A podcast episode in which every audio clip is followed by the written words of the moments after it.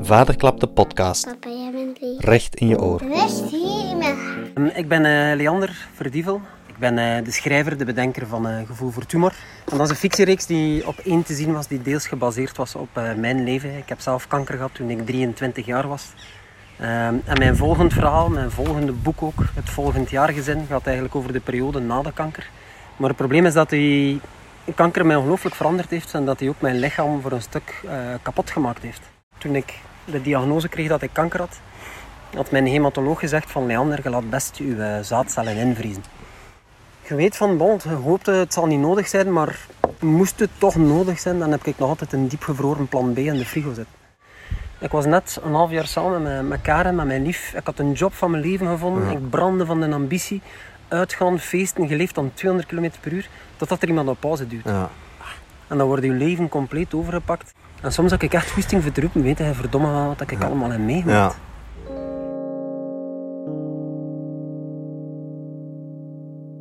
Maar en daarom dat ik een gevoel voor tumor, ik ben altijd met een gevoel voor tumor.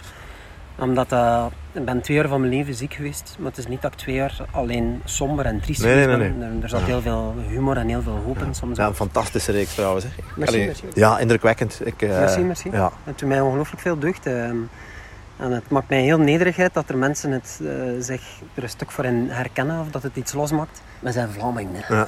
En Vlamingen zijn moeilijke babbelaars. Hè. Ja. Eh, doe maar gewoon eh, en flink zijn en voortdoen. Ja. En dan denk ik van, ja, maar waarom eigenlijk?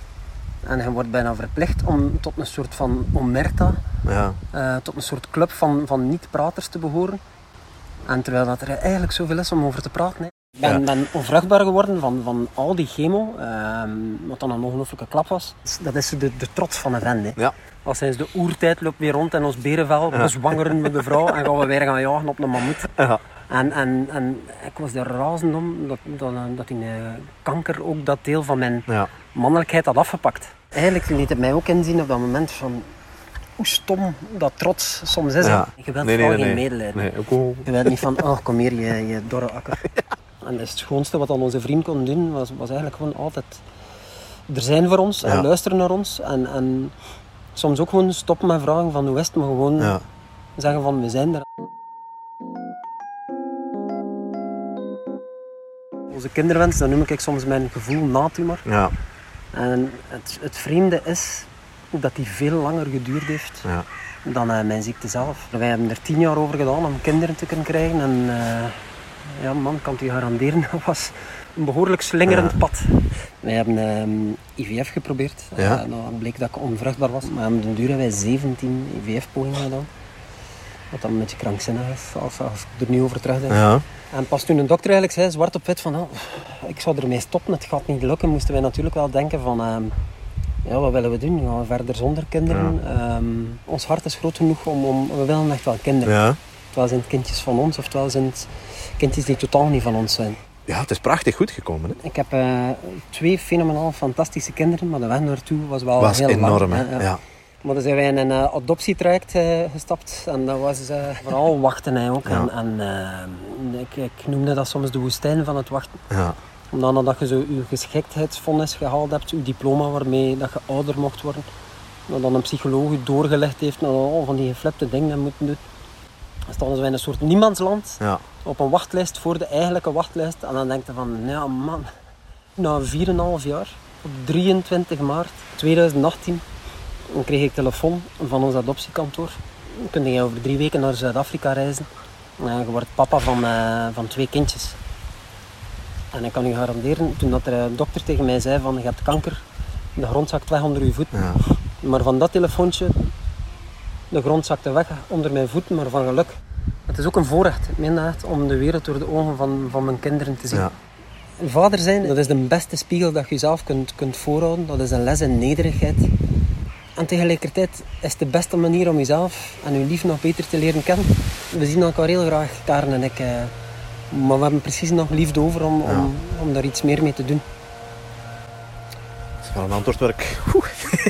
Ik vind het Ja, prachtig. Ja. En op een bepaald moment ben ik serieus met een kameraad onder een toog blijven hangen en die werd vader van zijn derde kind.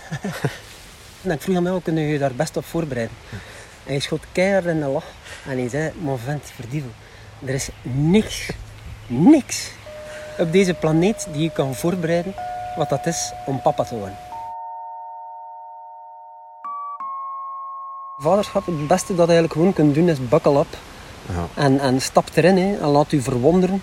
Als je merkt dat het soms onder je vel kruipt, dat is logisch. Allee, Het Ja. zijn kinderen. Maar eh, er, zijn, er zijn geen enkele twee personen op deze wereld die zo goed weten hoe ze mijn knopjes moeten induwen als mijn eigen kinderen. Ja. Weet je, we leven in een maatschappij waarin dat er zoveel getoeterd wordt. Hè, en zoveel mening op café Twitter en wat is het allemaal. En ik probeer mijn kinderen te leren van, weet je, luistert gewoon eens. En luistert naar verschillende meningen. En doe dat op een respectvolle manier. Probeer gewoon eerst eens te luisteren en, en beleefd te luisteren. En, en vooral eer dat je zelf een mening vormt. En laat je ook nooit iets aanpraten door andere mensen, maar probeer een eigen gedacht te krijgen. En ook te geloven in wat dat je zelf kunt. Ik denk misschien dat heel het principe en de procedure van vaderschap, dat dat eigenlijk gestoeld is op geduld. En laat het nu net het moeilijkste zijn dat, dat een mens ooit moet doen in zijn leven. Heel erg merci. Eh, ongelooflijk boeiend boek, ongelooflijk boeiend verhaal. Met een ongelooflijk mooi einde als ik die twee schapetjes zie rondkrossen. Heel fijn.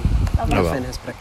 U luisterde naar Studio Vaderklap. Papa. Mis geen enkele aflevering en abonneer je gratis via eender welke podcast-app via Spotify, Soundcloud of luister gewoon op vaderklap.be. Papa. Papa. Vaderklap wordt opgevoed en grootgebracht door de founding fathers Pieter en Dimi, met de hulp van Wim, Stijn en Hans. De muziek is van Daan Richard, featuring Oeroes. Inderdaad, een vaderklap. Volgende keer klappen met een andere papa. Tot dan!